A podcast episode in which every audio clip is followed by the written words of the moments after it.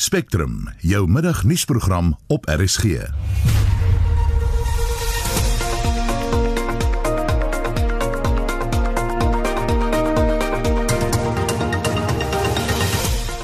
In die program die Vrye Mark Stichting meen die Grendelstaat in Suid-Afrika kos die land reeds meer as 10 miljard rand per dag. China sê Amerika sit agter beweringe dat die oosterse moondheid teen mense uit Afrika diskrimineer. South Africa also welcomes the assurance by the Chinese authorities that it is not the policy of China to discriminate against African nationals. We urge the relevant Chinese authorities to investigate these reports and take appropriate measures. En brandstofpryse is in die weegskaal na 'n oorverhaling hier plaaslik, maar ook 'n internasionale ooreenkoms om olieproduksie te verminder. Goeiemiddag, ek is Susan Paxton. So 7 minute oor 1 jy luister na Spectrum. Die DA het vanoggend 'n sogenaamde slim inperkingsmodel bekend gemaak. Die model sluit 'n ekonomiese stimuluspakket en 'n massiewe toetsing en siftingveld tog in. Die party wil ook hê die grense moet strenger bewaak word. Ons praat nou met die tussentydse leier van die DA, John Steenhuisen. Goeiemôre John. Goeiemiddag, baie dankie vir die geleentheid om saam met julle vandag te wees. Sê vir my daar's vier fases of klere van die model. Kortliks, wat is hierdie klere en wanneer word hulle elkeen ingestel? Well, we've moved towards a phased approach of the lockdown because while the hard lockdown uh, was the right choice to make uh, by the president and government, and while we supported it, uh, in the long term, it's not going to be possible to keep South Africa in the red phase because a hard lockdown doesn't kill the virus. What it does is buys you time to prepare your healthcare facilities and your healthcare response and to plan for it going forward.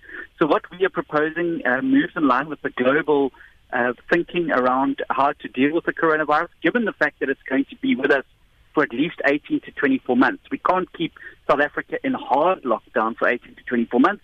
So we've got different stages with the red uh, is stage uh, four, which is a hard lockdown. Stage three is a, an orange is a softer lockdown, which uh, allows certain sectors to uh, go back to doing certain things.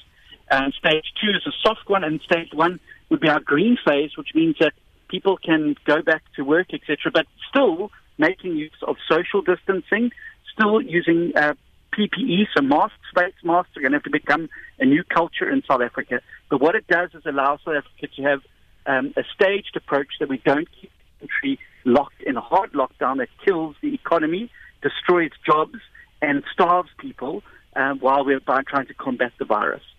So wat behels julle plan wat 'n ekonomiese stimuluspakket betref? So there should be at least 300 billion rand set aside for the stimulus package, and it should focus on two age groups: the poor South Africans, the people who are unable to provide for themselves.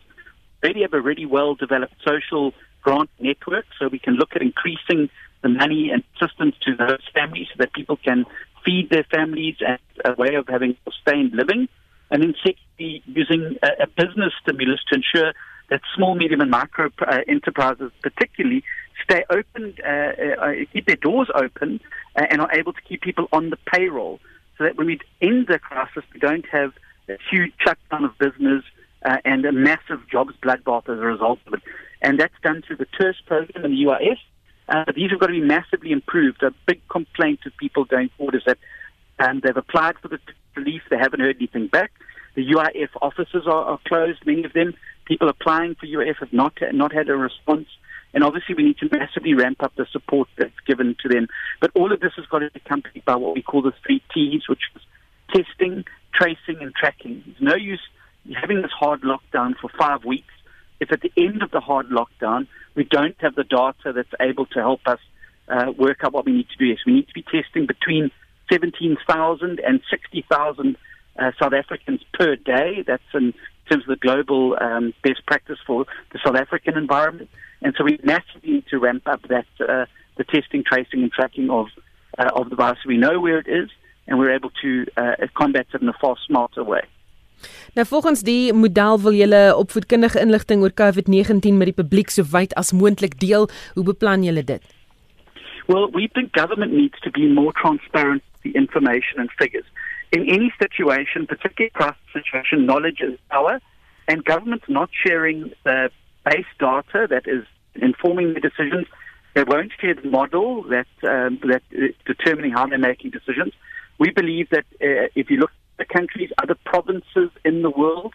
Uh, they are maximizing the amount of information that's shared with the media and with the public because knowledge is power. The more knowledge citizens have about the virus and its impact, the more power we're going to have to beat the virus together. So, news agencies, uh, political parties, and the general uh, citizenry need to be able to see the statistics um, and and be able to work out exactly where we are at in the fight against coronavirus.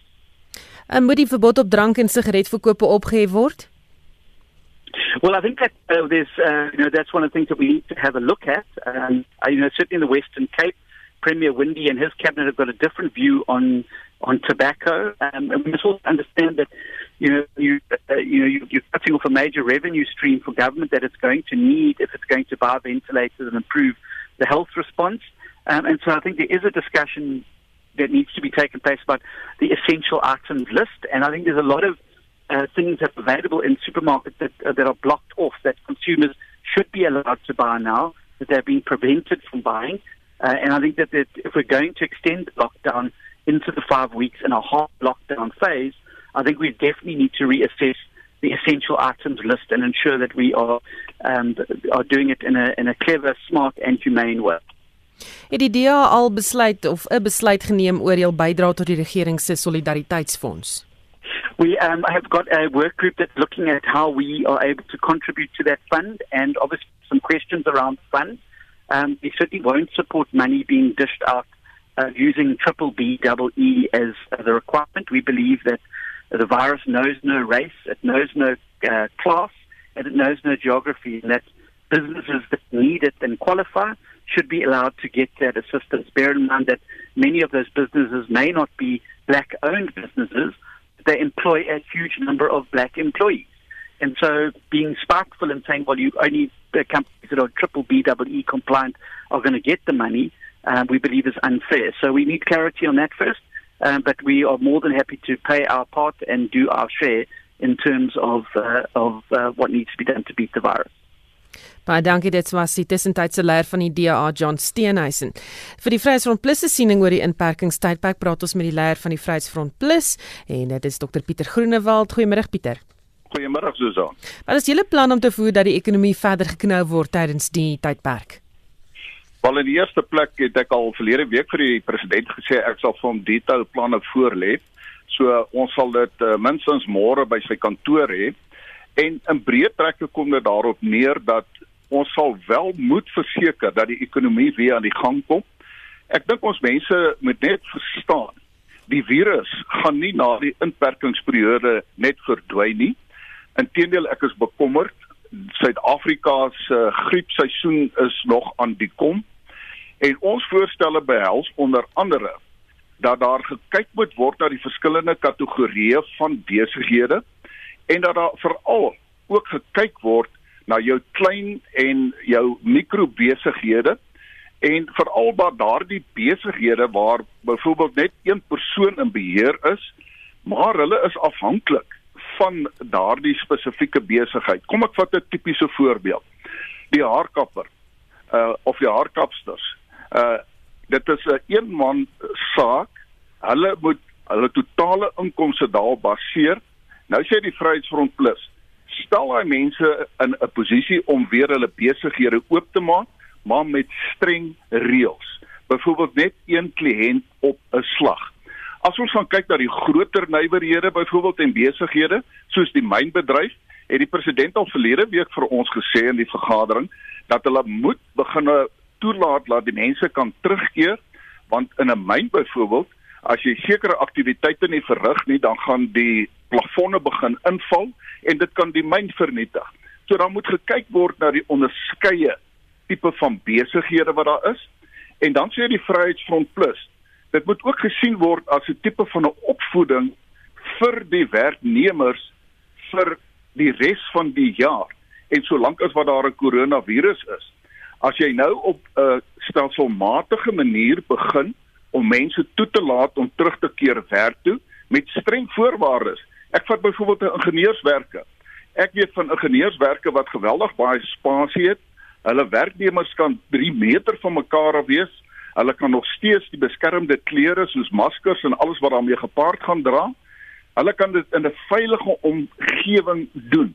Dit sal dien as 'n opvoeding vir die toekoms toekoms in Suid-Afrika dat ons mense dat as die inperking totaal gelig word, dan sal werknemers reeds weet dat hulle op 'n sekere manier ook moet optree om te voorkom dat die virus versprei word. Daar's 'n goue draad. Die goue draad is ons moet kontak probeer vermy om sodoende te verhoed dat die virus nie verder versprei word nie. Daar's baie ander detail ook wat ek kan gee, maar ek dink nie ons het so baie tyd nie. Maar dit is 'n breë aspekte wat ons spesifiek wil hê daarna gekyk moet word. 'n Baie ander belangrike aspek wat ons sê in ons plan gaan oor die veiligheidsdienste, die optrede van die polisie.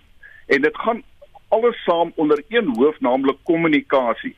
Ek het al in 18 Maart se vergadering vir die president gesê, in enige krisissituasie is duidelike kommunikasie absoluut noodsaaklik. Nie net vir die mense van Suid-Afrika nie, ook vir die wetstoepassers. Wat ons tans vind, is totale chaos.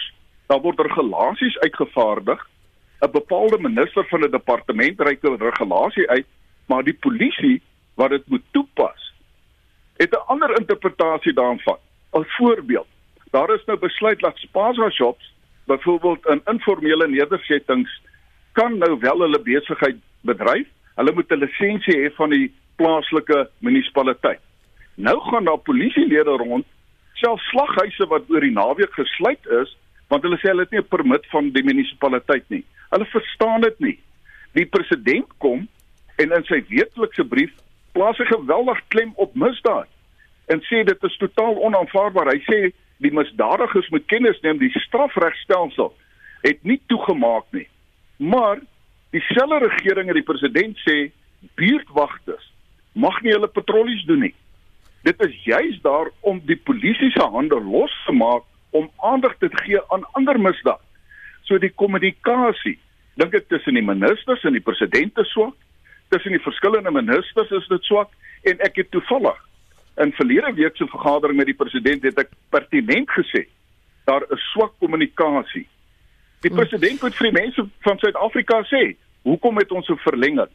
Die Vryheidsfront Plus glo daar is 'n manier om die ekonomie stadig weer te ontsluit en steeds te verseker dat die verspreiding van die virus nie verder versprei word nie. Pieter sê vir my, ehm um, hoekom gaan die party nie sy parlementslede dwing om by te dra tot die regering se solidariteitsfonds nie? Ek het van die begin af gesê en ek is baie duidelik daaromtrent. Ek sal geen bydrae maak aan enige fonds waar die verdeling daarvan gebaseer word op swart ekonomiese bemagtiging nie. En ek sal dit ook nie van my lede verwag nie. Maar ek wil dit ook duidelik stel. Die lede van die Vryheidsfront Plus het nie gewag vir die president om 'n beroep of 'n oproep te doen aan lede om 'n bydrae te maak nie. Ons maak lankal reeds bydraes. Ons het sekere fondse wat ons gestig het waarvan ons lede geld ingesamel het en waar hulle self ook bybetalings maak. Daar's verskeie maniere waar jy finansiële bystand kan lewer. Ek byvoorbeeld betaal nog steeds my tuindienste vir die maand alhoewel ek self my gras sny. Ons betaal nog steeds die huishulpe van ons mense dat spyt daarvan dat hulle hier is nie. Dis bydraes, daar's familielede wat hulle werk verloor het waar jy nou moet instaan om onderhoud te help betaal vir daardie mense. Daar's verskeie maniere om finansiële hulp te gee. Die Vryheidsfront Plus se lede doen dit reeds. Ons sal voortgaan daarmee, maar ek is geen onduidelikheid nie. Ek weier volstrek om aan enige fonds te betaal waar die verdeling gebaseer word op swart ekonomiese bemagtiging. Baie dankie, dit was Dr Pieter Groenewald, die leier van die Vryheidsfront Plus. Die Vrymark Stichting sê die staat van inperking het 'n groter impak op die ekonomie en menseregte as wat 'n mens sou dink.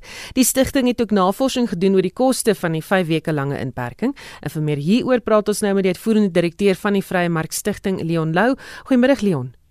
Goeiemiddag uh, en ek hoop almal geniet die Paasnaweek, jou luisteraars en dis uh, my voorreg om by julle te wees. Leon, eh, was dit die regte besluit om die inperkingstyd te verleng? Nee, glad nie en dit was eintlik nie die regte besluit om dit van die van vooraf te begin nie.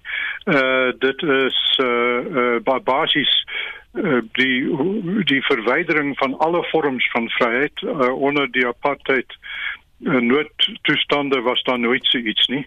Uh en dit is nie produktief nie want mense mag nie byvoorbeeld gaan draf of fietsry of wandelloop nie of strand toe gaan nie, maar hulle kan rondry in taksies en hulle kan in winkels ingaan waar daar uh, jy weet al van ons het dit al gesien, ek het dit al gesien, honderde mense wat rondstap en skouers vryf en uh, en um, en, en dit het nie logika nie dat enige verwagting van wat die voordeel sou kon wees nie. Daar word gepraat van 'n afplatting van die uh, uh siekte. Uh, maar net dit beteken net 'n uh, verlenging daarvan. Daar gaan meer ons weet nie, niemand weet nie, maar wat ons wel weet, wat seker kan wees, ons menseregte is totaal verskend dat die ekonomiese koste ongelooflik is. Die impak daarvan op gesondheid en lewensverwagting uh, kan nie beraam word nie. Dis eintlik dit kan moontlik gedoen word maar dit is baie ingewikkeld.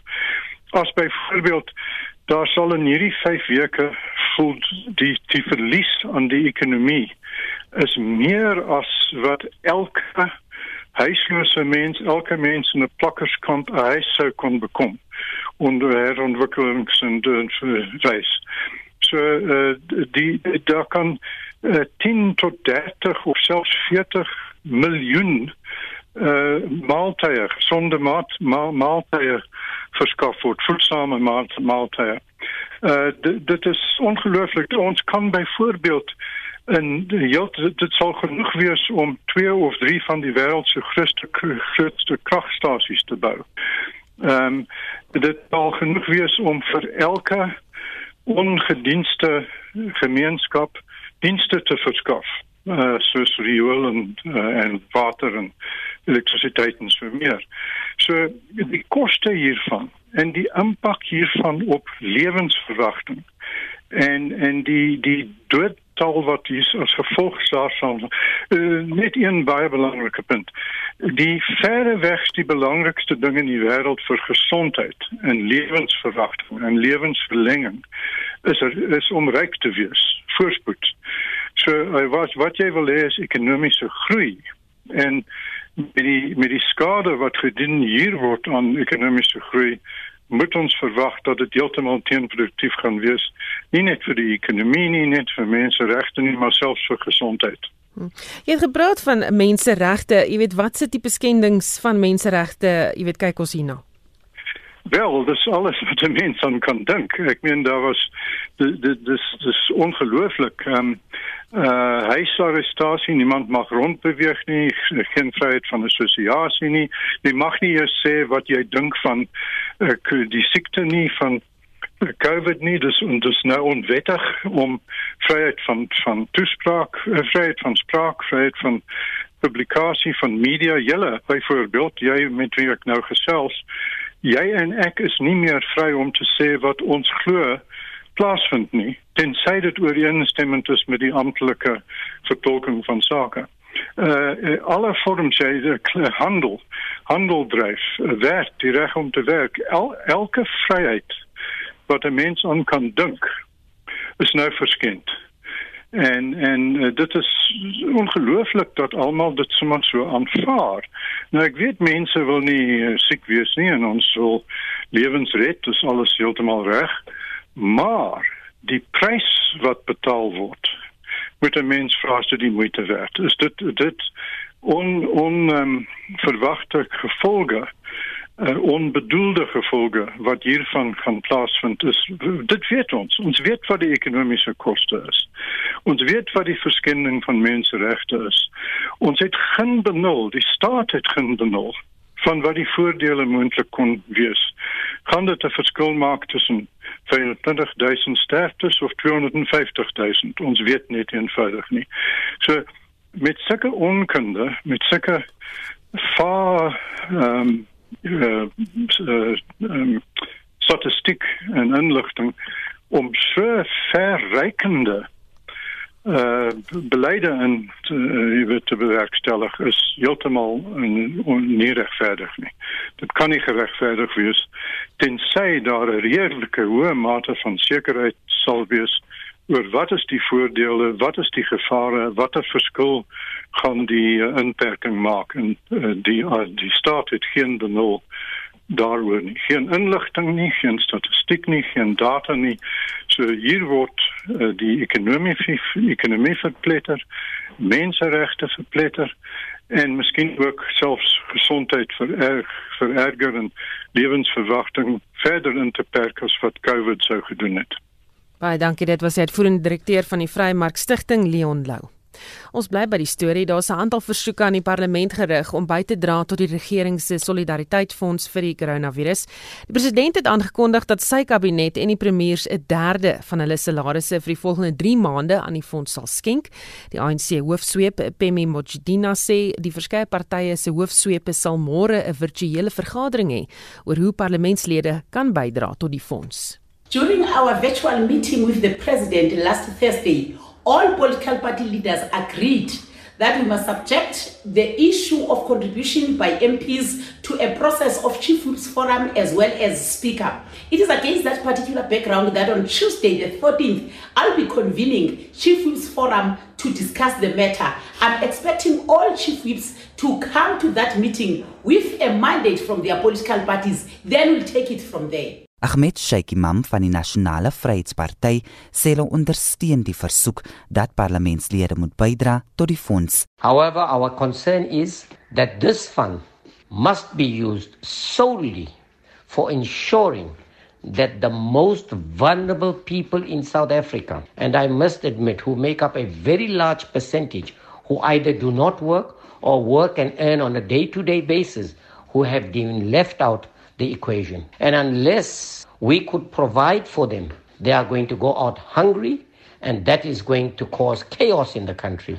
Die PAC president Mzwandile Nyonso is egter skepties oor die fonds. The PAC reserves the right to suspect that a lot of political influence and corruption will creep in during the handling of the fund. People do not turn into angels just because there is a crisis. Instead, they often use the crisis to loot. Therefore, PAC will directly contribute the suggested third of the salary directly to the people, not to the complex solidarity fund. Die IFP het aangekondig dat die party 500 000 rand aan die solidariteitsfonds oor die volgende 3 maande sal skenk. Die verslag deur Mercedes besend in die parlement. Jean Estreisen, SAICanis. Die Gautengse drankforum het president Cyril Ramaphosa tot môre tyd gegee om die verbod op die verkoop van drank te midde van die nasionale grendelstaat op te hef. Anders gaan die forum hof toe. Hulle sê die regulasies is in stryd met die grondwet. Die ANC, die EFF en COPE sê egter die regering moet die forum se ultimatum verwerp omdat 'n vers, verlaging of 'n verslapping van die regulasies die stryd teen COVID-19 sal ondermyn. Suid-Afrika het reeds 2173 gevalle aangeteken met 25 sterftes. Die debat oor alkohol woed al sedert die Grendelstaat 2 weke gelede aangekondig is. Die minister van polisie, Bekkie Cele, hou vol dat geen alkohol tydens die Grendelstaat verkoop mag word nie.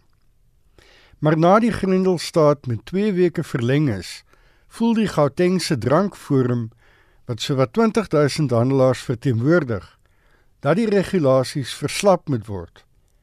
Die forum se regsverteenwoordiger Eric Mabuza sê sy kliënte is nooit oor die verbod op alkohol geraadpleeg nie. Their businesses will be ruined completely from this total ban.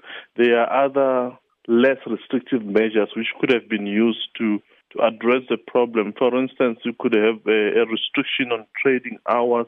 You could have restriction on the quantities that each person could buy and all sorts of measures could have been put in place to address the very problem. I mean, as you know, that there is no evidence of a connection between the sale of alcohol and the spread of the COVID-19 virus. Mabuza sê die regulasies sal nie oortree word nie.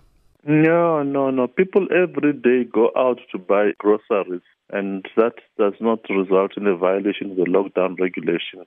Could be accommodated in the same way where people are allowed to go out and buy alcohol on certain times and certain quantities. All those issues could be put in place.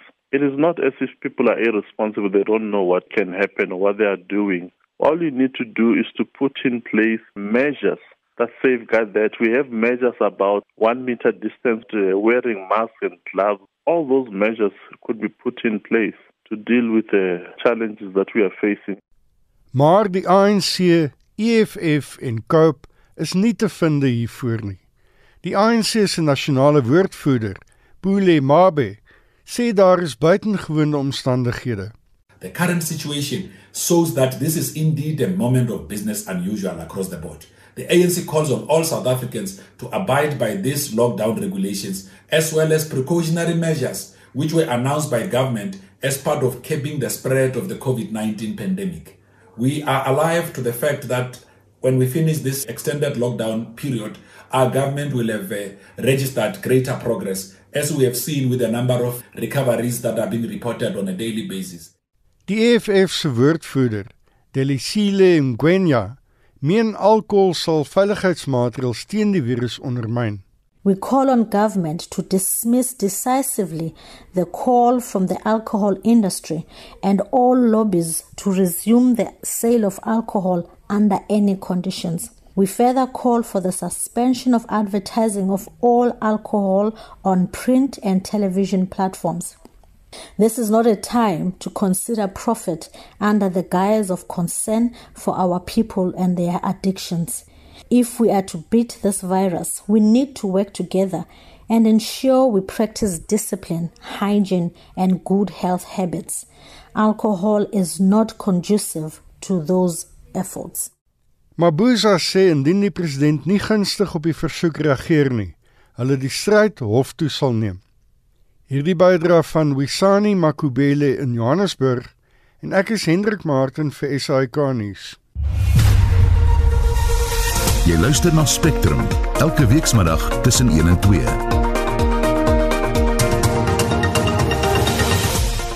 Die DA het vanoggend 'n sogenaamde slim inperkingsmodel bekend gemaak. Die model sluit 'n ekonomiese stimuluspakket en 'n massiewe toetsing en siftingveld in. Die party wil ook hê die grense moet strenger bewaak word. In the long term it's not going to be possible to keep South Africa in the red phase because a hard lockdown doesn't kill the virus. What it does is buys you time to prepare your healthcare facilities and your healthcare response and to plan for it going forward.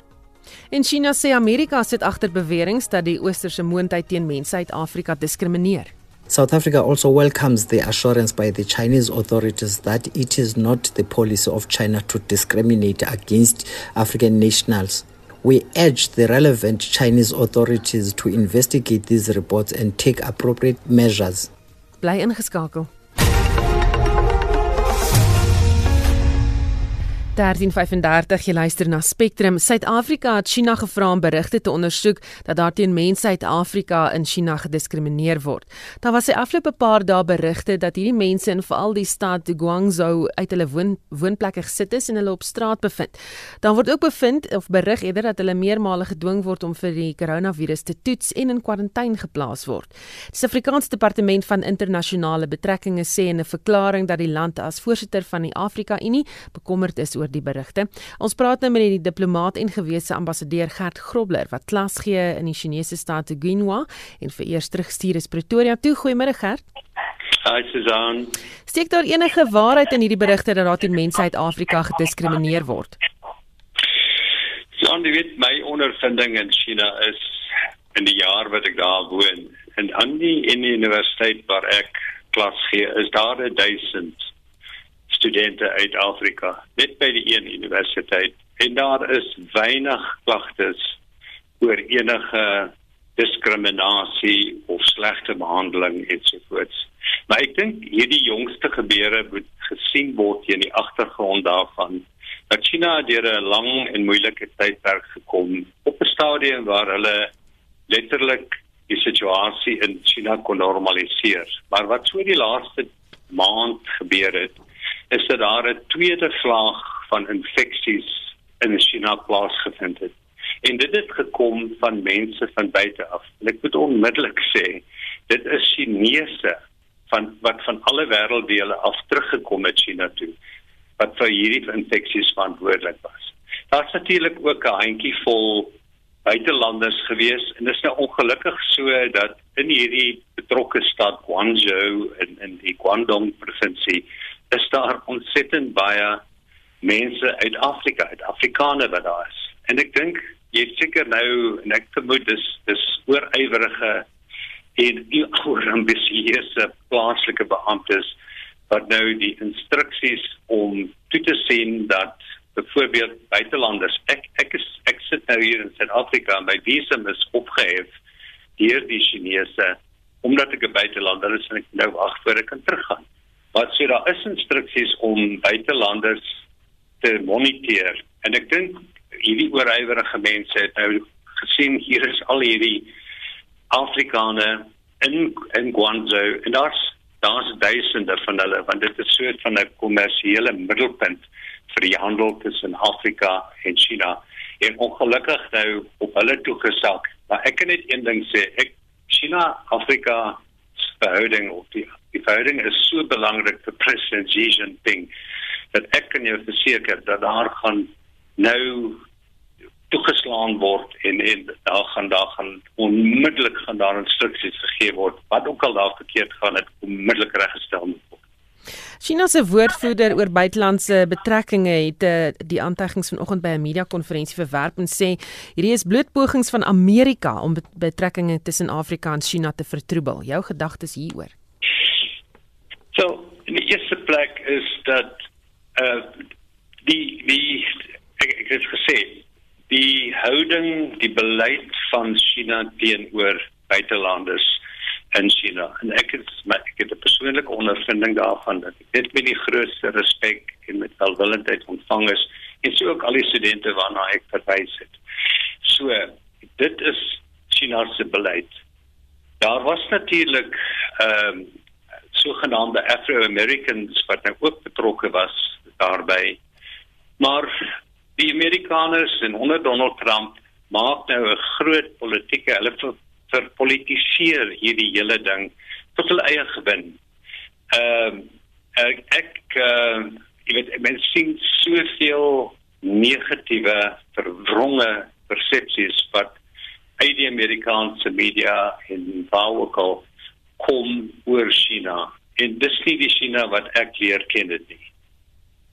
En dan net so laasens jy het gesê jou uh, visa is opgehef of uh, ja, jy werkspermit, jy sou nou teruggekeer het na China toe, maar wat is jou situasie op die oomblik? Weet jy al wanneer jy teruggaan? Die Chinese gedoen het as gevolg van hierdie hernieude vlaag van infeksies van buite af, het die regering 2 weke terug, by die weke terug, 'n aankondiging gemaak dat hulle vereers gaan probeer om buitelanders uit die land te hou. En ek ek my visum is gesuspendeer tot teken wyl die situasie genormaliseer het wat hierdie buitelandse infeksies betref. So ek dink hierdie ontwikkelinge en verwikkelinge ek sê dis ek sê nie dis nie waar nie dat daar miskien hierdie ek het gesê daar die oortrewerige en oorambisieuse plaaslike beamptes en natuurlik met die implementering van hierdie jy weet die die die veldtog teen buitelanders miskien hulle self te buite gegaan maar ek kan jou verseker dat die regering dit is nie die beleid van die regering nie en Xi Jinping gegee die belang van van China se verhoudinge met Afrika wat goed is gaan hy toesien dat hierdie ding net so gestop word. Baie dankie. Dit was die diplomaat Gert Grobler wat klas gee aan die Chinese stad uh, Qinghua. Die Suid-Afrikaanse Nasionale Weermag sê hy sal streng optree teen lede wat hulle magte in die inperkingstydperk misbruik. Dit volg na klagte by die polisie gelê is dat soldate 'n man van Alexandra glo doodgeslaan het. Die 40-jarige Collins Kosa is glo Vrydag deur die soldate aangerand. Die woordvoerder van die weermag, kolonel Louis Christyn, sê die klagtes word ondersoek. Daar was 'n voorval in Alexandra gewees op Vrydag die 10de April waarby soldate na bewering betrokke was waar 'n persoon dood is. Dit het aanleiding gegee dat klagte gelees teen die nasionale weermag en sy lede by die Alexandra polisiekantoor. Die weermag wil duidelik stel dat ons ten alle tye saam met die polisie sal werk in die ondersoek van hierdie klagte. Ons wil dit ook duidelik maak dat daar van ons lede verwag word om binne die wet op te tree ten alle tye. Veral spesifiek in hierdie moeilike tye waardeur ons nou gaan. En dat enige aksies of gedrag buite die wet nie geduld sal word deur die weermag nie. Wat kan gedoen word as mense voel die weermag tree nie regverdig op teenoor hulle in die tydperk nie? Daar's twee instansies wat beslis daarmee werk. Die een is natuurlik mense kan 'n gewone klag by die polisie gaan lê. Die ander een is die militêre ombud wat spesifiek ook geskep is en hulle ondersoek reeds sake teen weermaglede wat na bewering buite hulle mandaat opgetree het. Dit was die woordvoerder van die weermag, kolonel Louis Kerstyn. Brandstofpryse gaan aanstaande maand na alle waarskynlikheid weer ingryp en daal, hoofsaaklik weens aansienlike oorverhaling.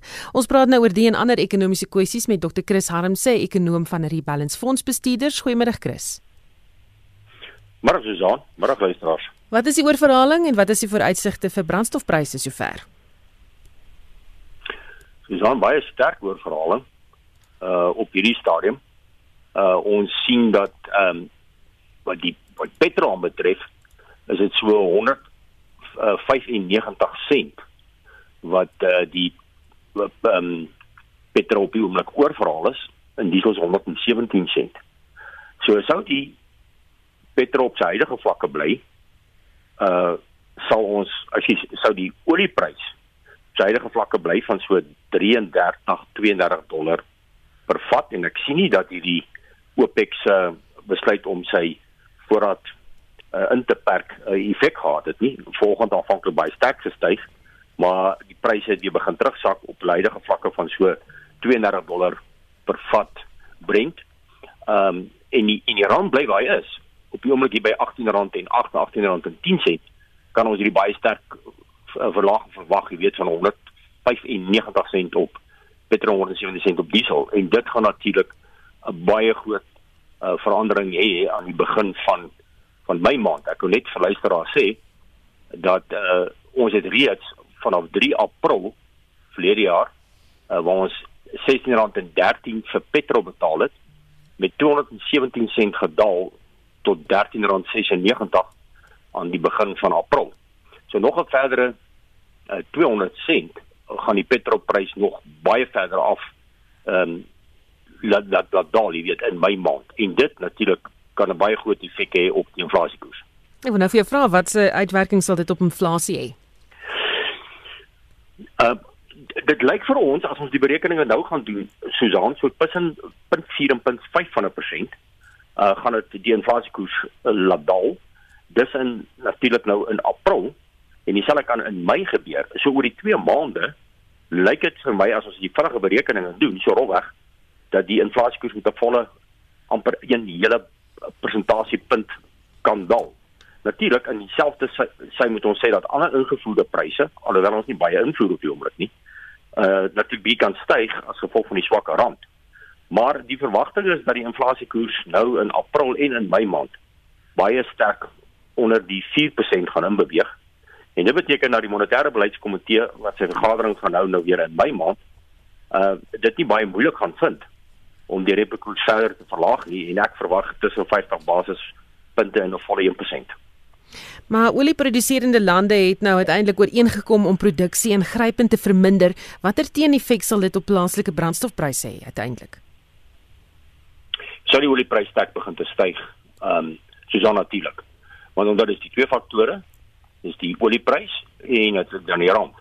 Mense kan in dieselfde asem vra, uh gaan die rand nie in die volgende paar weke weer begin verstewig nie. Maar kom ons vat die olieprys.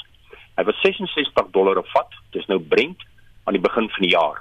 Hy het gedaal tot so laag as 21 dollar uh so 2 weke gelede. Hy het stelselmatig weer begin te styg. Hy het Vrydag gesluit uh hier by uh 31 dollar 70 sent. En net op vanoggend um so met 2 dollar 51 te open in reaksie op hierdie nuwe OPEC se besluit, maar hy het stoom verloor. En 'n rukkie gelede het hy maar weer verhandel op R31.63. Inteendeel dis so 7 sent uh goedkoper. So ek het nie uh, ek is nie so seker of ons 'n baie sterk stygings in die olieprys gaan sien in die volgende paar weke tot tyd en wyl hierdie sogenaamde lockdown in die meeste van die lande opgehef gaan word nie. Baie dankie, dit was Dr. Chris Harm se ekonom van Rebalance Fonds bestuurders. Ons beweeg nou na die sportveld met Shaun Jooste. In sokkernuus, die Engelse klub Tottenham Hotspur sê hulle is nie van plan om hulle grootste ster, die Engelse kaptein Harry Kane, tydens die Engelse somer aan hul Premier Liga teenstanders Manchester United te verkoop nie. Daar was berigte dat Kane vir 200 miljoen pond verkoop sou word. Tottenham sukkel op die oomblik en indien hulle nie verbeter nie, kan Kane dalk in die toekoms besluit om ander spanne te nader. Motorsport Die FIA uitvoerende hoof, Jean Todt, vrees dat kleiner spanne en vervaardigers weens die koronaviruspandemie sal besluit om die Formule 1 reeks te verlaat aangesien die sport so duur is. Die seisoen se eerste 9 wedrenne is tot dusver gekanselleer of uitgestel en spanne ontvang ook geen inkomste van uitsaairegte of borgskappe nie. Die Franse Grand Prix op 28 Junie is ook in gedrang indien omstandighede rondom die koronavirus nie verbeter nie. En laastens in tennisnuus. Die WTA het aangekondig dat die vroue Rogers beker toernooi in Montreal in Kanada gekanselleer is nadat die regering in Quebec provinsie besluit het om alle byeenkomste en gebeure tot aan die einde van Augustus op te skort. Die Rogers beker is een van die hooftoernooie wat tot die Amerikaanse Ope lei en sou van 7 tot 16 Augustus gespeel word. Die toernooi sal weer in 2021 plaasvind. Dit was Shaun Jooste met eh, RC Sport.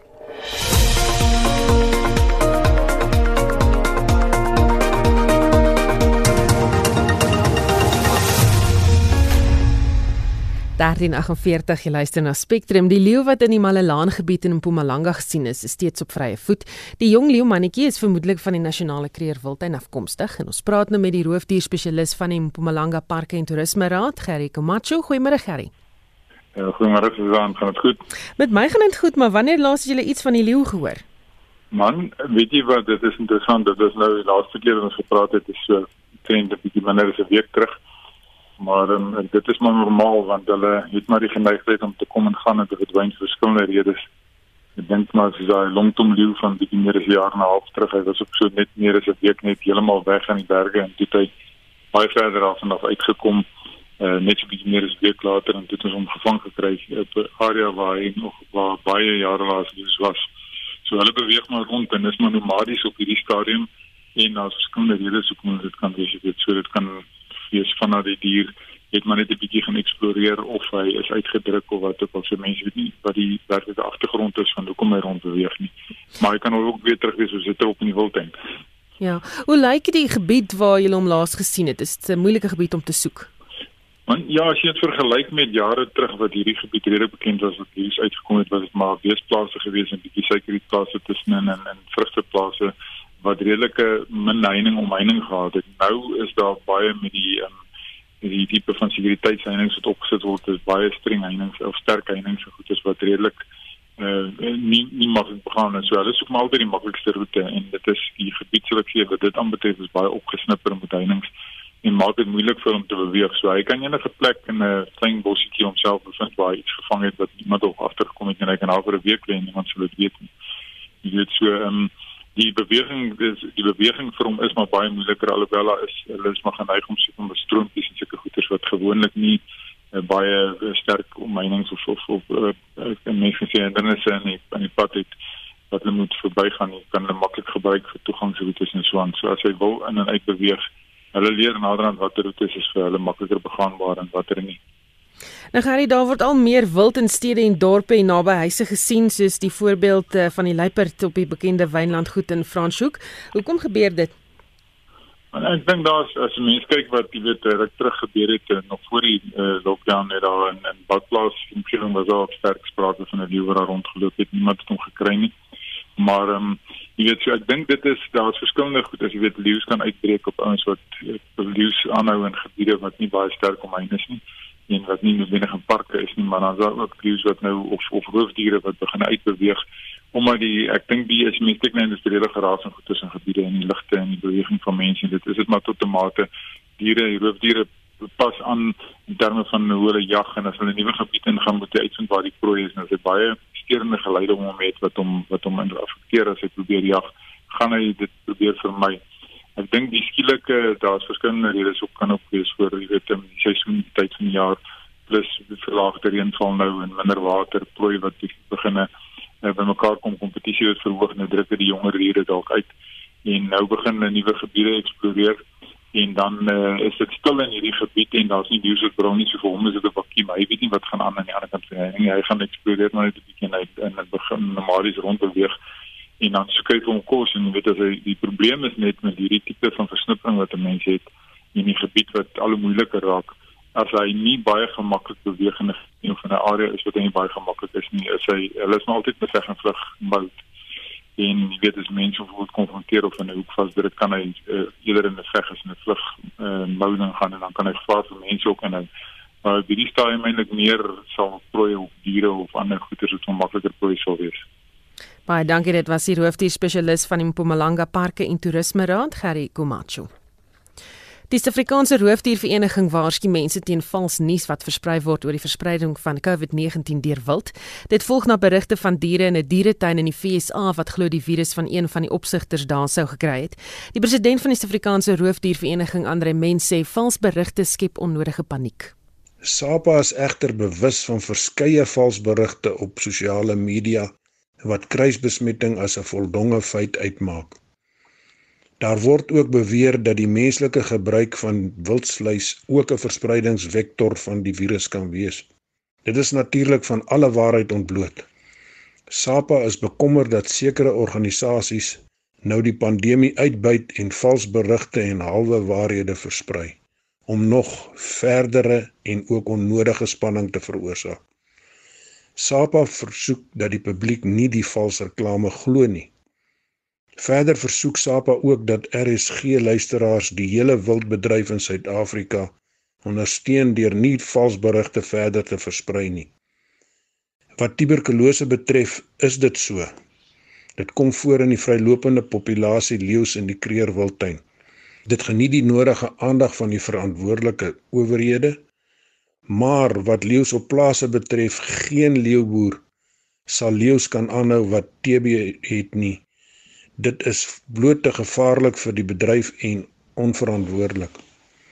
Veeartse sal onmiddellik die nodige stappe doen wat van hulle verwag word as dit wel gebeur.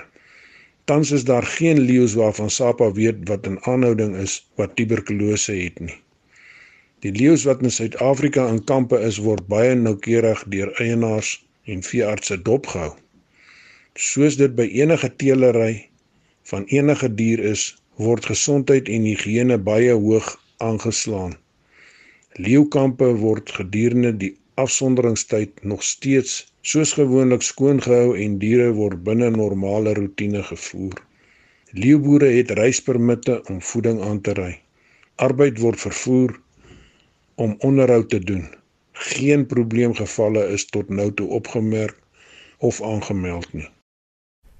En dit was die president van die Suid-Afrikaanse Roofdiervereniging Andre Mens wat met uh, ons gepraat het.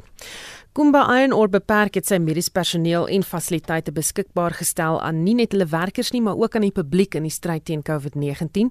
Die myn is in Katoo in die Noord-Kaap geleë. Die hoof van higiëne en gesondheid by Kumba, Dr. Bongani Nene, sê dit is nie nou die tyd om onderskeid te tref tussen mense nie.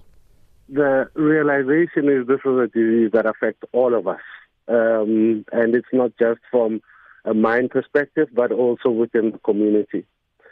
So our assistance basically goes from along the entire value chain. In other words, from the prevention side to the what happens when somebody uh, unfortunately is diagnosed with the coronavirus infection.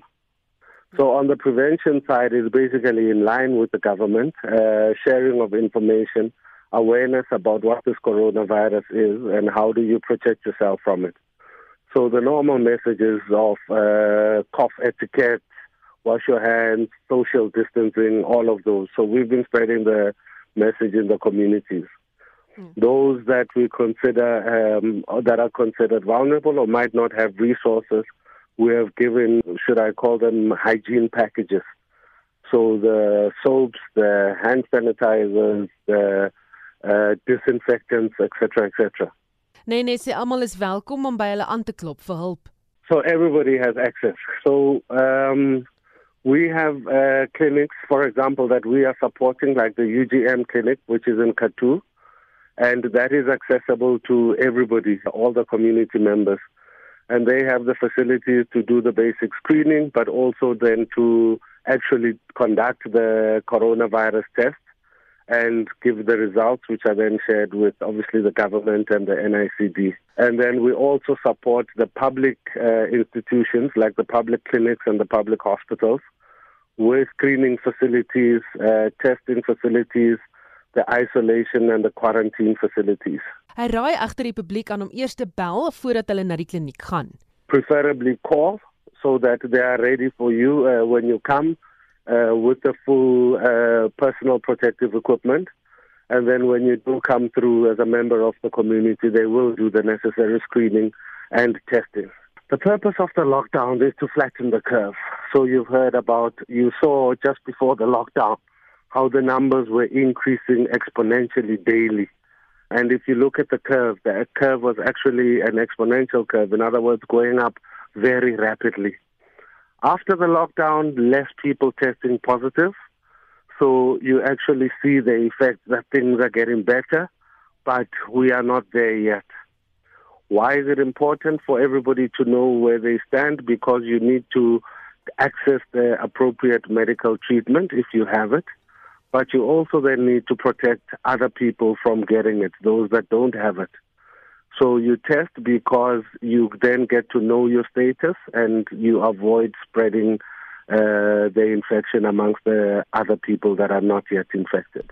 Nene het ook raad oor wanneer dit tyd is om wel 'n dokter te gaan spreek as jy dink jy het COVID-19 onderlede. So the first thing is have you been in contact with somebody who is known positive? Uh, a lot of us may know to say so and so tested positive. I was in contact with that person, so I probably need to get tested. So that's scenario number one. But scenario number two is where you have the symptoms like a cough, a fever, a sore throat, uh, tight chest, difficulties breathing. Those are the symptoms of the coronavirus, and that is when you should then access testing facilities. Dit was die hoof van higiëne en gesondheid by Kumba Iron Ore, Dr. Bongani Nene. Dit was Spectrum, ons redakteur was Hendrik Martin, produksieregisseur Lewona Bekes. My naam is Susan Paxton. Geniet jou middag.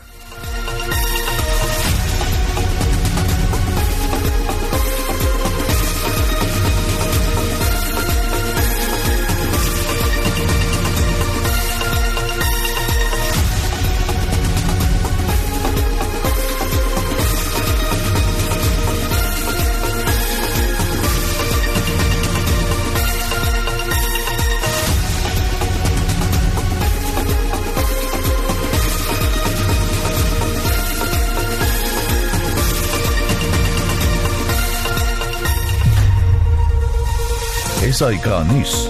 Onafhanklik, onpartydig.